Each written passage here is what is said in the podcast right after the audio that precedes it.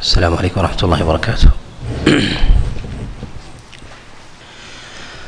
الحمد لله رب العالمين وصلى الله وسلم وبارك على نبينا محمد وعلى آله وأصحابه ومن تبعهم بإحسان إلى يوم الدين. أما بعد ففي هذا المجلس في غرة شهر جمادى الأولى من عام خمس وثلاثين بعد الأربعمائة والألف نتكلم على شيء من الأحاديث التي أعلها العلماء في ابواب في أبواب الجنائز.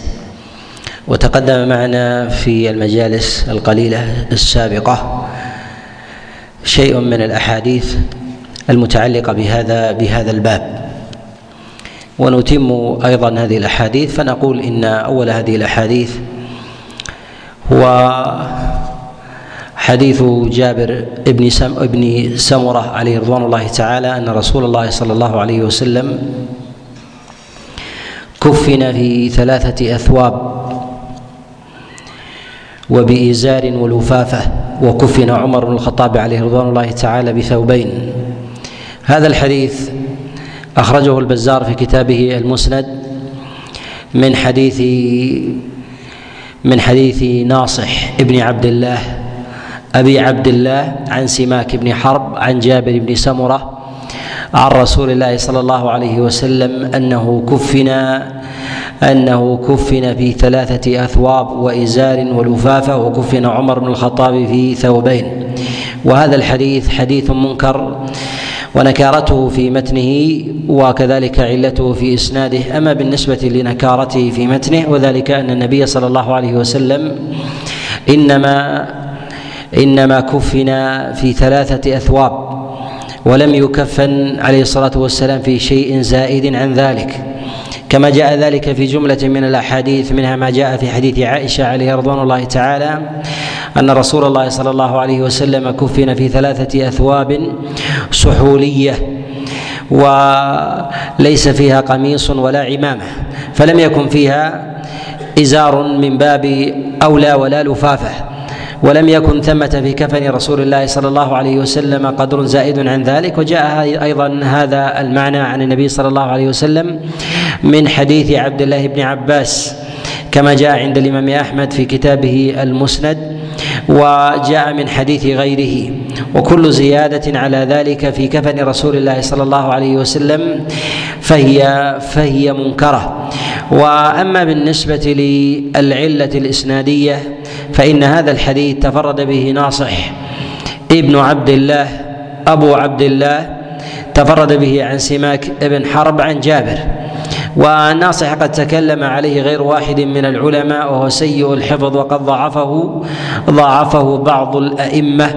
فتفرده بهذا الحديث عن سماك مما يستنكر وتفرد سماك أيضا به عن جابر مما يستنكر أيضا.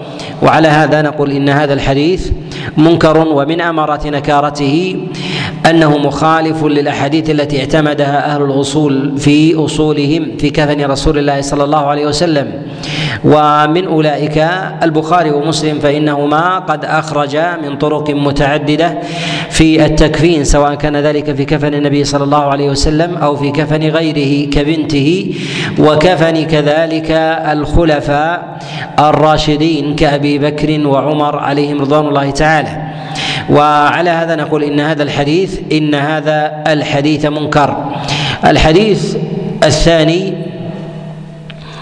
هو حديث الفضل ابن العباس عليه رضوان الله أن رسول الله صلى الله عليه وسلم كفن في ثوبين سحوليين وهذا الحديث أخرجه الطبراني في كتابه المعجم وأخرجه ابن حبان أيضا في كتابه الصحيح من حديث أبي إسماعيل المؤدب عن يعقوب بن عطاء بن أبي رباح عن أبيه عن عبد الله بن عباس عن الفضل بن عباس عن رسول الله صلى الله عليه وسلم أنه كفن في ثوبين سحوليين.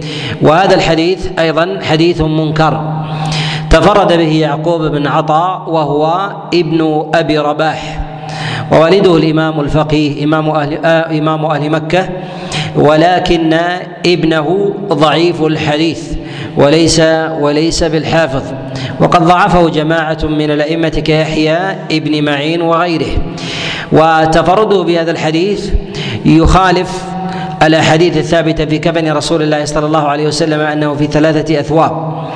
وكذلك فإن هذا الحديث قد استغربه استغربه الطبراني رحمه الله في كتابه في كتابه المعجم. ثم أيضا إن هذا الحديث لو كان عند عطاء ابن أبي رباح عن عبد الله بن عباس لا رواه ثقات أصحابه فعطاء ليس مما يخفى حديثه فتفرد آه، ابنه عنه بمثل هذا يستنكر. وتقدم معنا الإشارة في بعض المجالس إلى أن رواية الأبناء عن الآباء مما يدفع فيها مما يدفع فيها التفرد. واستثنينا من ذلك بعض الصور ومن هذه الصور أن بعض الرواة مما يشتهر فلا فيستوي أبناؤه وأهل بيته مع غيرهم لاشتهاره بل إن بعض أصحابه ممن ممن يعتني بروايته وضبط حديثه هم أولى من أهل بيته من غير المعتنين من غير المعتنين وهذا وهذا أمر وهذا أمر ظاهر. ومثلنا أيضا بجملة آه، من الأمثلة وذلك كابن أخي عبد الله بن وهب فإنه ربما يتفرد يتفرد عنه ببعض الأحاديث فهو لقرابته لعبد الله ابن وهب. لا نقول إن هذا من الاختصاص ويدفع الغرابة والتفرد فنقول إن هذا ليس من الاختصاص لأن عبد الله بن وهب هو من الأئمة المشهورين الذين يروون الحديث ويؤخذ عنهم ويستفيض ويؤخذ عنهم ويستفيض لكثرة مجالسهم وقصد الناس لهم فتفرد القرابات في ذلك ليس مما مما يدفع الغرابة ليس مما يدفع الغرابة في أمثال هؤلاء. وكذلك أيضا في عطاء بن أبي رباح فهو إمام في الفقه وكذلك يختص بالرواية عن عبد الله ابن عباس عليه رضوان الله تعالى وهو إمام يقصد بالأخذ بالسماع وكذلك أيضا ممن يتصدر بإسماع غيره والجلوس والجلوس له. فحديثه يحفظ ولا يقال إن ابنه يختص بمثل هذا إلا إذا كان الابن قد امتاز بغير بغير ميزة القرابة كالبنوة وإنما امتاز بعنايته بالحديث وهذا ربما يحدث في الأبناء والإحفاد وذلك كحال إسرائيل. إسرائيل يتفرد عن أبي إسحاق بأحاديث ويقدم وهو حفيده. يقدم على على غيره وربما يقدم في بعض الأحوال على بعض الكبار كشعبة بن الحجاج وسفيان وغيرهم. وإنما قيل بتقديمه لا لذات القرابة لا لذات القرابة المجردة وإنما هو في ذاته معتني. وإنما هو في ذاته في ذاته معتني. فإنضاف إلى ذلك جانب القرابة. وذلك لأنه لأنه حفيد لأبي إسحاق وكان أيضا يقوده وكان أبو إسحاق وكان أبو إسحاق أعمى فكان يقوده إسرائيل في ذهابه ومجيئه ويسمع منه ما لم يسمعه ما لم يسمعه غيره. ولهذا ربما البخاري ومسلم يقدمان إسرائيل في بعض الوجوه على شعبة على شعبة وسفيان. وربما يكون الحديث يرويه هؤلاء الثلاثة ويقدم رواية إسرائيل على غيره لاختصاصه لاختصاصه بالرواية. وهو في في أبي إسحاق يختلف عن روايته عن غيره. أما عن غيره فيقدم الثقات الكبار بروايته عنه وأما بالنسبة لروايته عن أبي إسحاق فإنه فإنه يقدم في بعض الأحيان حتى على الحفاظ حتى على الحفاظ الكبار. ولهذا نقول إن إعلاننا هذا الحديث بتفرد يعقوب بن عطاء عن عطاء بن أبي رباح في مثل هذا الحديث أن عطاء إمام كبير وأيضا مجالسه في المسجد الحرام ويقصد. فلا حاجة إلى أن يقال إنه يختص بحديثه يختص بحديثه ابنه فيقال إن الغرابه تدفع للقرابة والغرابة تدفعها القرابة إذا كان الراوي لا يكثر لا يكثر المجالسة للناس ولا يقصد بالرواية. وأما إذا كان وأما إذا كان يجلس للناس ويقصده الناس من الأفاق والبلدان فضلا عن أهل بلده حينئذ يقال إن القرابة لا تنفع. لا تنفع في دفع في دفع الغرابة في الحديث.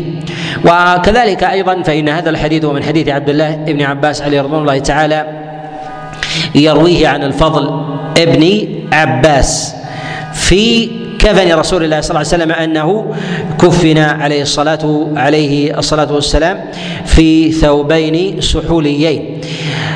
تقدم الإشارة إلى أن عبد الله بن عباس عليه رضوان الله ممن روى كفن النبي صلى الله عليه وسلم وهنا يروي عن من؟ يروي عن الفضل. وإذا كان له حديث في الرواية في كفن النبي عليه الصلاة والسلام فكيف يروي عن الفضل؟ وهو ممن شهد وهو ممن شهد الكفن وهذه علة أيضا. وهذه وهذه علة. تخالف مروي عبد الله بن عباس وتخالف أيضا ما ما شهده في أن النبي عليه الصلاة والسلام إنما كفن في ثلاثة أثواب. إنما كفن في ثلاثة في ثلاثة أثواب وهذا أيضا له موضع في الكلام عليه تقدم معنا في بعض في بعض الأحاديث وعلى هذا نقول إن هذا الحديث حديث أيضا منكر وهو حديث يعقوب بن عطاء عن أبيه عن عبد الله بن عباس عليه رضوان الله تعالى عن الفضل ابن ابن العباس عن رسول الله صلى الله عليه وسلم.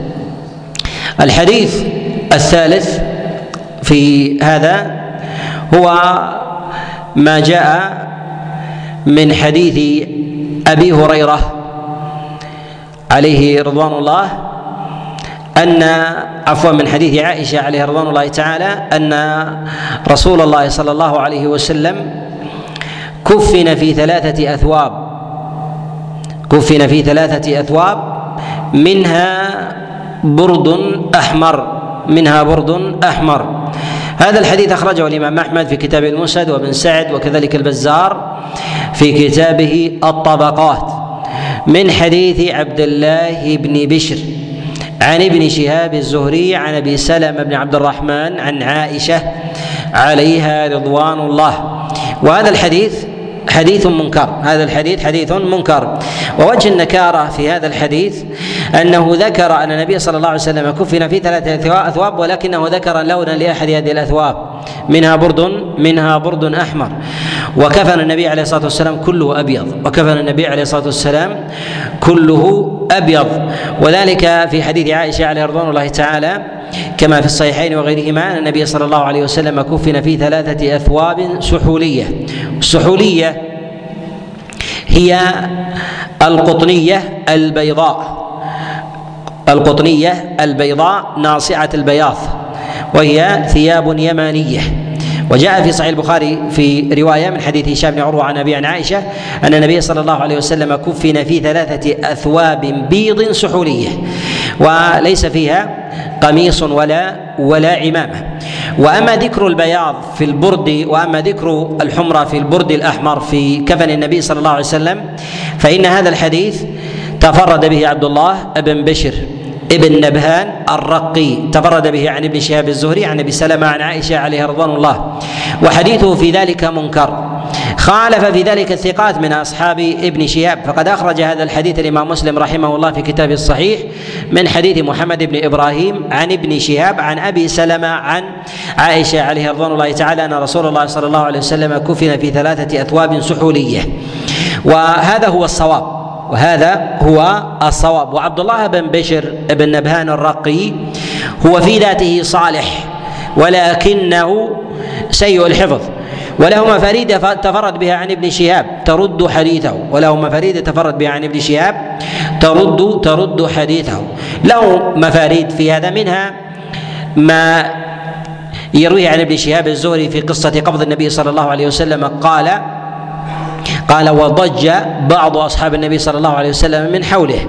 وهذا الحديث وهذا الحديث أيضا منكر لمخالفة لمخالفة عبد الله بن بشر ابن نبهان في روايته لهذا الحديث عن ابن شهاب الزهري وخالف الثقات من اصحاب من أصحاب ابن شهاب. وابن شهاب هو إمام وروايته في ذلك تشتهر وتفرد من أمثال عبد الله بن بشير من ممن هم من أصحاب الرواية المتوسطة كذلك أيضا مع ضعف ولين ولين في حفظه. وقد أشار بعض الأئمة عليهم رحمة الله إلى أن ابن بشر في روايته عن ابن شهاب الزهري نكارة على سبيل الخصوص مع سوء حفظه في ذاته مع سوء حفظه في ذاته.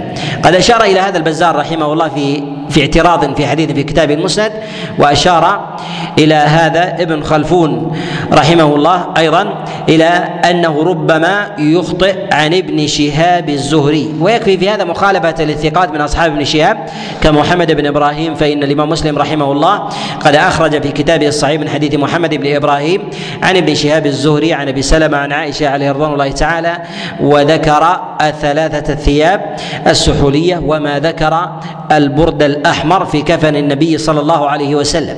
وما ذكر البرد الأحمر في كفن النبي صلى الله عليه وسلم. وجاء في حديث عبد الله بن عباس عليه رضوان الله تعالى عند الإمام أحمد في المسند وكذلك أيضا عند بن سعد في الطبقات من حديث يزيد عن مقسم عن عبد الله بن عباس وذكر الحمرة ولكنه ضعيف بحال يزيد. فإنه فإن فإنه ضعيف ضعيف الحديث. وكذلك أيضا فإن مقسم في تفرداته عن عبد الله بن عباس فيما يخالف الثقات تتقى تتقى عادة. وعلى هذا نقول إن ما يخالف الأحاديث الثابتة عن النبي صلى الله عليه وسلم في لون ثيابه وكذلك أيضا في عددها وكذلك أيضا في وصفها. فقد تكون ثلاث منها بعض الروايات تأتي ثلاث ولكن يكون وصفها على خلاف الوصف الذي جاء النبي عليه الصلاة والسلام منها ما يتعلق ب ألا يقول بأنها بأنها بأنها قمص ولها أزرار أو إنها تزر أو نحو ذلك. فهذه الأحاديث الأحاديث في هذا الأحاديث في هذا في هذا ضعيفة لأن هذه الحادثة حادثة واحدة. هذه الحادثة حادثة واحدة ولا تتكرر الرواية في ذلك إنما إنما هي على ما ثبت عن رسول الله صلى الله عليه وسلم. الحديث الرابع وحديث أم عطية عليها رضوان الله أنها قالت في كفن ابنة رسول الله صلى الله عليه وسلم قالت فكفناها في خمسه خمسة أثواب. كفناها في خمسة أثواب. وخمرناها كما نخمر كما نخمر الحي. هذا الحديث جاء من حديث حفصة بنت سيرين عن أم عطية في الكفن. ولكن جاء هذا الحديث من حديث إبراهيم ابن حبيب عن هشام ابن عبد القدوس القردوسي عن حفصة بنت سيرين عن أم عطية في الكفن. وهذا الحديث أعني في حديث أم عطية في تكفين ابنة رسول الله صلى الله عليه وسلم هو في الصحيحين. الحديث في الصحيحين من حديث حفصة ومن حديث محمد ابني سيرين. ولكن ليس فيه أن الأثواب خمسة. ليس فيه أن الأثواب أن الأثواب خمسة. وظاهر هذا الإسناد السلامة. ظاهر هذا الإسناد ظاهر هذا الإسناد السلام. وقد أخرجه الجوزقي من حديث إبراهيم ابن حبيب عن هشام فتفرد به هشام بن عبد القدوس القردوسي عن حفصة بنت سيرين عن أم عطية. وهو معلول بعدة علل. أول هذه العلل أن إبراهيم بن حبيب ولو كان ثقة في ذاته إلا أنه خالف الثقات ممن يروي هذا الحديث عن هشام بن عبد القدوس. وهشام بن عبد القدوس روى عنه الحديث جماعة في الصحيحين و وغيرهما. قد أخرجه البخاري في كتابه الصحيح من حديث يحيى ابن سعيد عن هشام ابن عبد القدوس فذكره ولم يذكر ولم يذكر عدد الأثواب خمسة وكذلك أيضا قد أخرجه الإمام مسلم رحمه الله في كتابه الصحيح من حديث يزيد بن هارون. وتابعهم على ذلك جماعة ممن يروي هذا الحديث. تابعهم على ذلك سفيان الثوري وعبد الأعلى ويعلى وشعيب وغيرهم كلهم يروونه في يرون هذا الحديث عن هشام يرون هذا الحديث عن هشام وخالفوا في لفظه وخالفوا في لفظه. والأصل أن الرجال أن الرجال والنساء في عدد الأكفان في عدد الأكفان سواء. أن الرجال والنساء في عدد الأكفان الأكفان سواء. وهذا الحديث حديث منكر ومن وجوه النكارة مع ورود المخالفة في ذلك من وجوه النكارة أن هذا الحديث يرويه عن أم عطية محمد بن سيرين أيضا وقد اشتهر عن أم عطية حديث حفصة بن سيرين ومحمد بن سيرين. ولا يعرف في لفظ من ألفاظ هذا الحديث أو طرقه في إلا ما تفرد بهذا الحديث من حديث إبراهيم بن حبيب عن هشام بن عبد القدوس ويخالفون في روايته ما جاء ما جاء في الصحيحين. وهنا العلة هل تحمل في إبراهيم بن حبيبة وهشام بن عبد القدوس باعتبار أن إبراهيم بن حبيبة الذي خالف الثقات هو أوثق من هشام بن عبد القدوس ولم يطعن فيه أحد من الحفاظ وهو ثقة ثقة في حفظه. وهشام بن عبد القدوس الذي يروي هذا الحديث ويروي عنه جماعة من الرواة في الصحيحين وغيرهما هو قد تكلم فيه قد تكلم فيه بعض بعض الأئمة كشعبة ابن الحجاج فإنه قال لم يكن حافظا قال لم يكن لم يكن حافظا. هل يحمل هذا الوهم والغلط في هذا الحديث؟ في إبراهيم بن حبيب وهو الثقة لمخالفته للجماعة أم يحمل في هشام ابن عبد القدوس لأنه لأنه ربما لأنه ربما أخطأ أهل العلل نعم, نعم.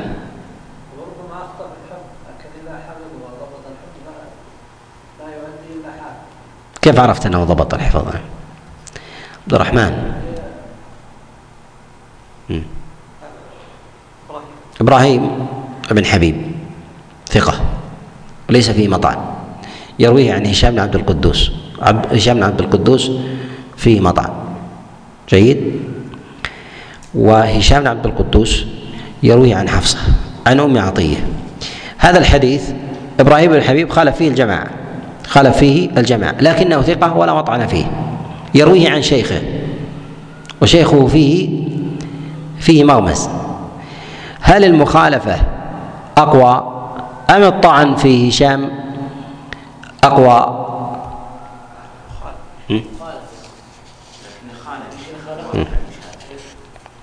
لكن ما يكون هشام ربما روى الحديث وأخطأ فيه لأنه يقول لم يكن بالحافظ. نعم. لا لا أقران نعم. أقران نعم. لا يلزم من هذا. آه نعم. شيخ الله أعلم أنه من لأنه زاد شيخ زيادة خمسة خمسة. لذلك والله أعلم أنه في قول آخر؟ ها؟ نعم.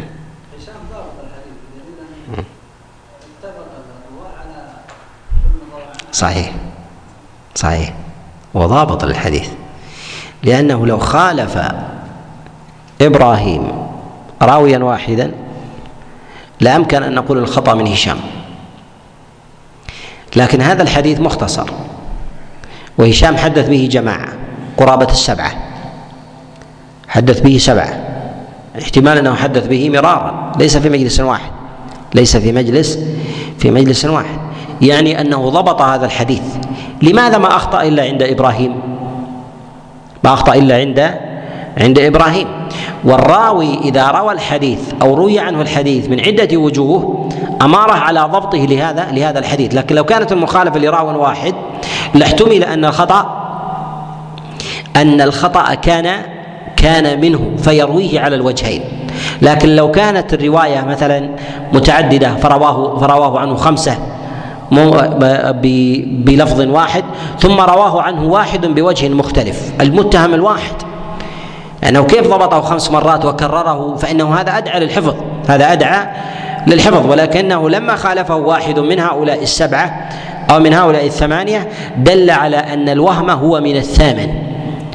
وأما من يقول إن إبراهيم الحبيب لا مطعن فيه نقول عدم وجود كلام العلماء فيه لا يعني السلامة أيضا من كل وهم. من كل وهم وغلط. وأما كلام بعض الأئمة كشعبة في هشام أنه لم يكن بالحافظ نقول هذا في أصل محفوظه لا في ذات الخبر. وذات الخبر دل ظاهر السياق وظاهر الوجوه والطرق على أنه ضابط ضابط لي لهذا لهذا الحديث فرواه لأشخاص متعددين وظاهره أنه في مجالس متعددة. قد يقول قائل كيف نعرف أن هذا الحديث رواه في مجالس متعددة؟ نقول هشام بن عبد القدوس ليس ممن يقصد. هشام بن عبد القدوس ليس ممن يقصد ب بالمجالسة كالكبار وإن كان ثقة. وإن كان ثقة. ليس كمالك. يجلس عنده خمسين أو مئة أو مئتين فيحدثهم مرة واحدة ثم ثم يصدرون عنه. ثم يصدرون عنه. وأما من دونه فغالبا من يأتيه ويطرق بابه أو يقصده في مسجده أو نحو ذلك من يأتيه الواحد ليسمع منه الحديث ثم يمضي أو الاثنين ثم ثم يمضي. وهؤلاء وإن كانوا من الثقات فإن فإنه لا مجالس لهم تعقد باعتبار أنهم ليسوا من أهل ليسوا من أهل الفقه وإنما هم من أهل من أهل الرواية فيروون الحديث والحديثين والعشرة والعشرين فهذه لا مجالس لهم بخلاف المكثرين بخلاف المكثرين. وذلك كابن شهاب وعبد الله بن عمر والإمام مالك ويحيى ومحمد إبراهيم وغير هؤلاء. هؤلاء لهم مجالس ويحدثون لأن لهم مئات الأحاديث. مئات الأحاديث. أما المقل من الرواية الذي له عشرة والعشرين يجلس مجلسين انتهى الذي عنده. انتهى الذي عنده. حينئذ نقول إن هذا أمارة على أنه إنما حدث الحديث بانفراد أو شبه انفراد. بانفراد أو شبه انفراد فحدث بالواحد ثم أو اثنين مع بعضهما ثم حدث بالآخر فهذا أماره على فهذا أماره على ضبطه للحديث وأن الخطأ من إبراهيم ابن حبيب الذي يروي عن هشام عبد القدوس عن حفصة عن أم عطية. كذلك أيضا فإن هذا الحديث يعرف يعرف عن ابن حديث محمد بن سيرين عن أم عطية أيضا وليس فيه ما تفرد به إبراهيم الحبيب عن هشام بن عبد القدوس ولهذا نقول إنما تفرد به إبراهيم الحبيب عن هشام بن عبد القدوس آه، منكر ولا يقال بصحته أو سلامته. بعض المتأخرين يحكم بحسن هذا الحديث يحكم بحسن بحسن هذا الحديث وهذا فيه نظر. هذا فيه فيه نظر. وذلك لمخالفته للحديث. أما سلامة الطريق فلا تعني صحة الإسناد فلا تعني صحة صحة الإسناد. كذلك أيضا من الأمارات في نكارة هذا الحديث وما في حكم في زيادة على ثلاثة أثواب أنه يخالف عمل الخلفاء الراشدين يخالف عمل الخلفاء الراشدين وفتاويهم. وذلك أن فتاوى الخلفاء الراشدين في تكفين الميت أنه يكون في ثلاثة أثواب. أنه يكون في ثلاثة أثواب. كفن أبو بكر الصديق عليه رضوان الله تعالى في ثلاثة أثواب. عمر بن الخطاب عليه رضوان الله تعالى قال كفنوا موتاكم بثلاثة أثواب ولا تعتدوا إن الله لا يحب المعتدين. يعني لا تغالوا يرى أن هذا من السرف. يرى أن هذا من السرف كما جاء عند ابن أبي شيبة من حديث راشد بن سعد عن عمر بن الخطاب عليه رضوان الله تعالى. وإنما قلنا إن هذا من قرائن الإعلال أن الخلفاء الراشدين يختلفون عن غيرهم. يختلفون عن غيرهم من فتاوى بعض الصحابة وغيرهم. فإذا اجتمع مثل أبي بكر وعمر على مسألة من المسائل وهم المقدمون في مشهد النبي عليه الصلاة والسلام في تكفينه ومعرفة حاله ثم يقولون مثل ذلك ويفتون به ويكون حالهم على هذا الأمر ثم يخالفهم ثم تخالفهم رواية فهذا أمارة على علة تلك تلك الرواية. والعلماء عليهم رحمة الله وربما يعلون الحديث المرفوع بسبب موقوف بل ربما أعلوا الحديث المرفوع بالمقطوع. أعلوا الحديث المرفوع بالمقطوع. وهذا جرى عليه بعض الأئمة. الإمام أبو داود رحمه الله أعل حديثا مرفوعا بمخالفة عطاء. بمخالفة عطاء. عطاء له لأن عطاء هو من يروي هذا هذا الحديث. ولهذا نقول إن من قرائن هذا الحديث مخالفة الخلفاء الراشدين له. ولا أعلم من خالف من خالف الخلفاء الراشدين عليهم رضي الله تعالى في هذا في هذا. نعم جاء عن علي بن أبي طالب ويأتي الكلام عليه بإذن الله تعالى وهو أيضا وهو أيضا حديث وهو حديث منكر. الحديث الخامس وحديث علي بن أبي طالب عليه رضوان الله تعالى أن رسول الله صلى الله عليه وسلم كفن في سبعة أثواب. الحديث هذا أخرجه الإمام أحمد في المسند وكذلك البزار وابن سعد وغيره من حديث عبد الله بن محمد بن عقيل. عن محمد بن علي وهو ابن الحنفية عن علي بن أبي طالب في تكفين رسول الله صلى الله عليه وسلم أنه كفن. وهذا الحديث حديث منكر وهذا الحديث حديث منكر. تفرد به عبد الله بن محمد ابن عقيل تفرد به عبد الله ابن محمد ابن ابن عقيل وحديثه وحديثه منكر. حديثه منكر وهو ضعيف في ذاته سيء الحفظ وله مفاريد يتفرد بها يتفرد بها عن الثقات يتفرد بها عن الثقات لا لا تقبل تفرد بها عن الثقات لا تقبل تفرد بهذا الحديث في الزيادة في كفن النبي صلى الله عليه وسلم على ثلاثة أثواب. أعل هذا الحديث البزار رحمه الله في كتابه المسند قال ولا أعلم أحدا تابع ابن عقيل عليه.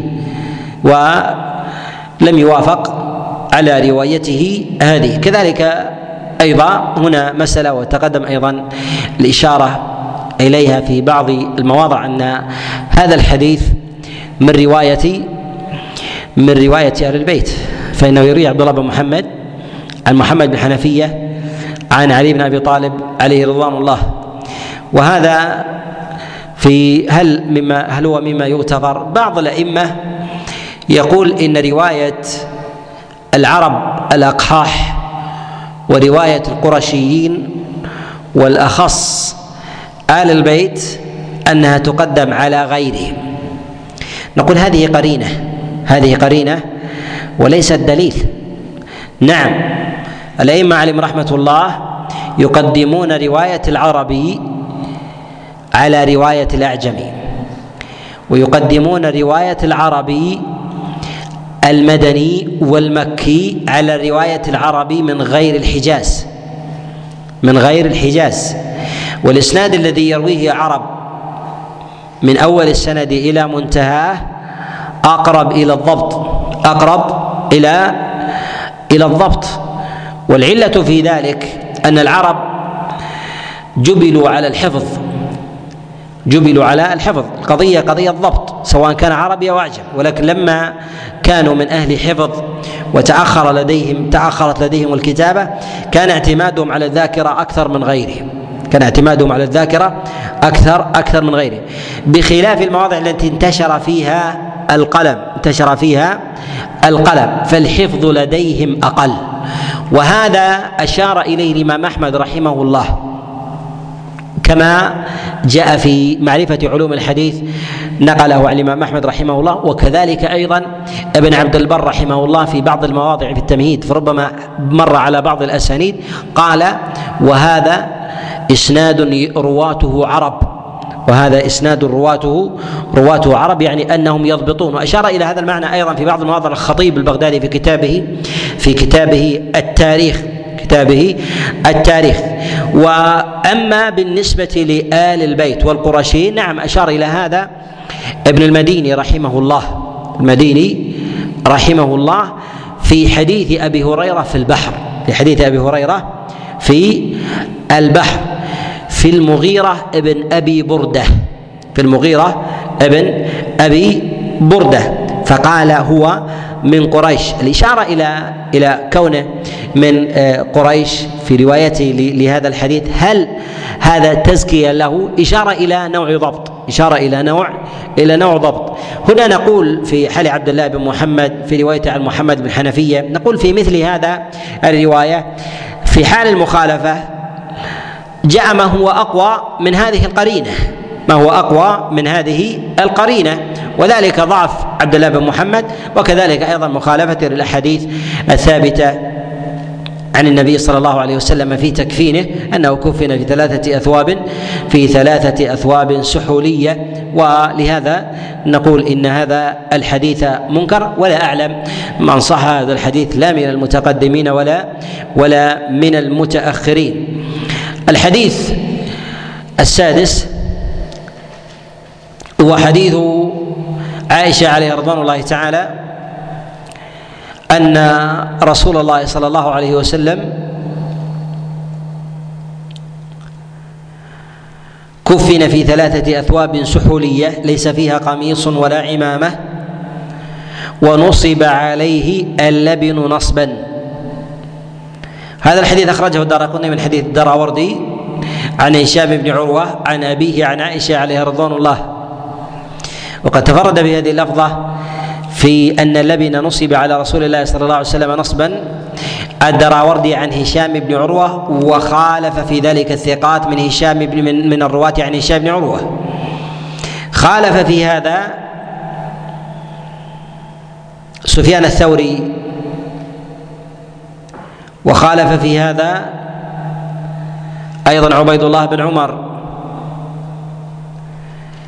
يروونه عن هشام بن عروة عن أبيه عن عائشة عليه رضوان الله تعالى وليس فيه هذه اللفظة وليس فيه هذه اللفظة أن اللبن نصب على رسول الله صلى الله عليه وسلم نصبا وإنما غاية ما في حديث عائشة هو كفن النبي صلى الله عليه وسلم لا نصب اللبن عليه ومن وجوه النكارة أن هذا الحديث أن هذا الحديث ذكر فيه كفن النبي صلى الله عليه وسلم وذكر فيه نصب اللبن وعائشة عليها رضوان الله تعالى ليست ممن شهد وضع اللبن ليست ممن شهد وضع اللبن ولكنها شهدت التكفين ولكنها شهدت تكفين النبي صلى الله عليه وسلم وهذا وهذا من وجوه النكارة.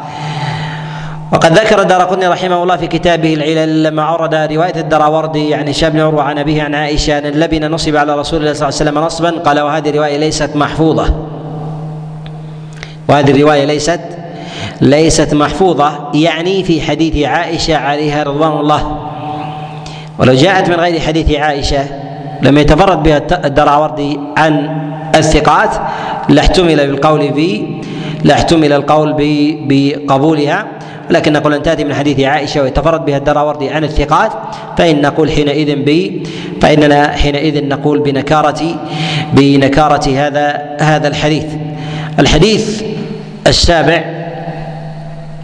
وحديث أبي هريرة عليه رضوان الله أن رسول الله صلى الله عليه وسلم كفن في قميص وزر عليه وزر عليه زراره. هذا الحديث حديث أبي هريرة عليه رضوان الله أخرجه ابن عدي في كتاب الكامل والخطيب في كتابه التاريخ من حديث أحمد بن عبيد بن ناصح.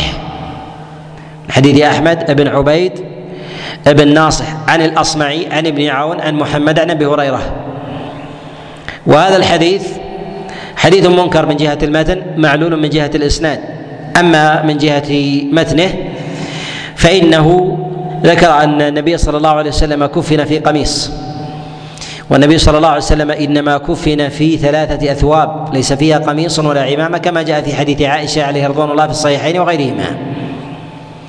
وكذلك أيضا في ذكره للأزرار أنها زرت على رسول الله صلى الله عليه وسلم وهذا أيضا من النكاره ما لم يرد في الأحاديث. ومن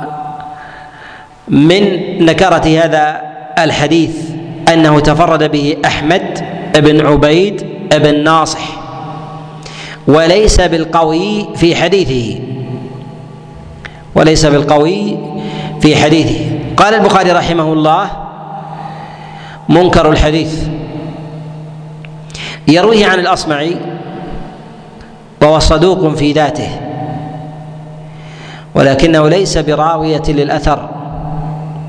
ولا بفقيه في السنة حتى يدرك مواضع الخلاف ومواضع الزيادة والنقص. وإن وثقه بعض الأئمة فإنهم يوثقونه في ذاته وكذلك يوثقونه في بابه كما وثقه أبو داود رحمه الله وكذلك ابن معين وغيرهما. فأحمد بن عبيد تفرد بهذا الحديث عن الأصمعي عن ابن عون عن محمد عن أبي هريرة.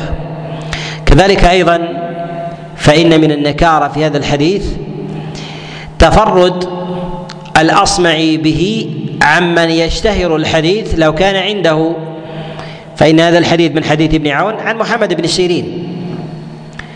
عن أبي هريرة عليه رضوان الله ومثل هذا الحديث لو كان عندهم لاشتهر بالرواية لاشتهر بالرواية ويكفي في ذلك مخالفته للأحاديث الثابتة عن رسول الله صلى الله عليه وسلم ومن قرائن الإعلال أن هذا الحديث أخرجه غير أصحاب الأصول. فأخرجه ابن عدي في كتاب الكامل وأخرجه الخطيب البغدادي وتقدم معنا أيضا في بعض المواضع الإشارة إلى أن الأحاديث التي يتفرد بها أن الأحاديث التي يتفرد بها المصنفون المتأخرون من أرباب المسانيد والمعاجم والتواريخ مما يتعلق بالأحكام أن هذا يغلب عليها الضعف ولا يكاد الإنسان يجد فيها حديثا حديثا صحيحا فضلا عما يصنف عادة للأحاديث الضعيفة والمنكرة والتي تؤخذ على بعض الرواة وذلك كابن عدي في كتاب الكامل وكذلك أيضا مما ينفرد به التاريخ وذلك كالحاكم في في تاريخه وكذلك الخطيب البغدادي وابن عساكر واضراب وأضراب هؤلاء. فإذا لم يوجد الحديث ومن حديث الأحكام عند أصحاب المصنفات المتقدمة أصحاب الأصول وذلك الكتب الستة مسند أحمد و مسند الدارمي وأضراب هذه المصنفات وطبقتها وما قاربها فالأصل فيه أنه منكر وكلما على الحديث منزلة ومعنى عند الأئمة ولم يخرجه الأوائل فإن هذا فإن هذا أمارة أمارة على النكارة وأشرنا إلى هذا المعنى وإلا لا يا فراس. مثلنا له بمثال. نعم. لماذا يكون معلول؟ أليست القاعدة كم ترك الأول الآخر نعم؟ قل نعم؟ درة نعم. ضربنا مثال. مصنفات. أحمد. نعم؟ ضربنا مثال بالذهب. الأعمار الأيام التي تمضي بعقود كحال الطريق. كحال الطريق. والأئمة هؤلاء الذين تمر عليهم السنوات كحال الذين يسلكون هذا الطريق. يلتقطون فيه كل ثمين. يلتقطون فيه كل كل ثمين. فحديث مر عليه البخاري ومر عليه مسلم ومر عليه أبو داود والترمذي والنسائي وابن ماجه ثم تجزم أنهم رأوه ثم تركوه. تركوه لك؟ تركوه لك؟ وإلا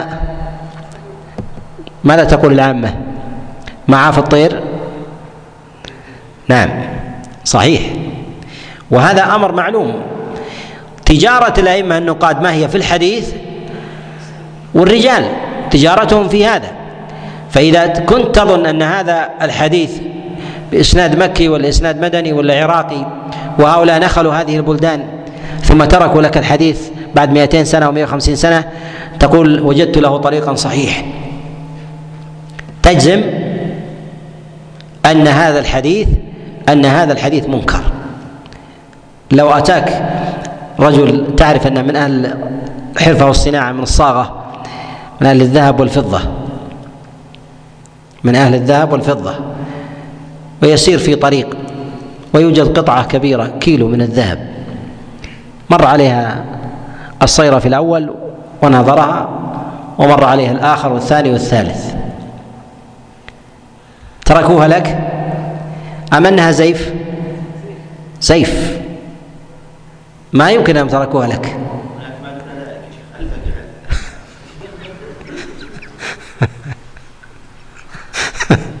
صحيح نعم.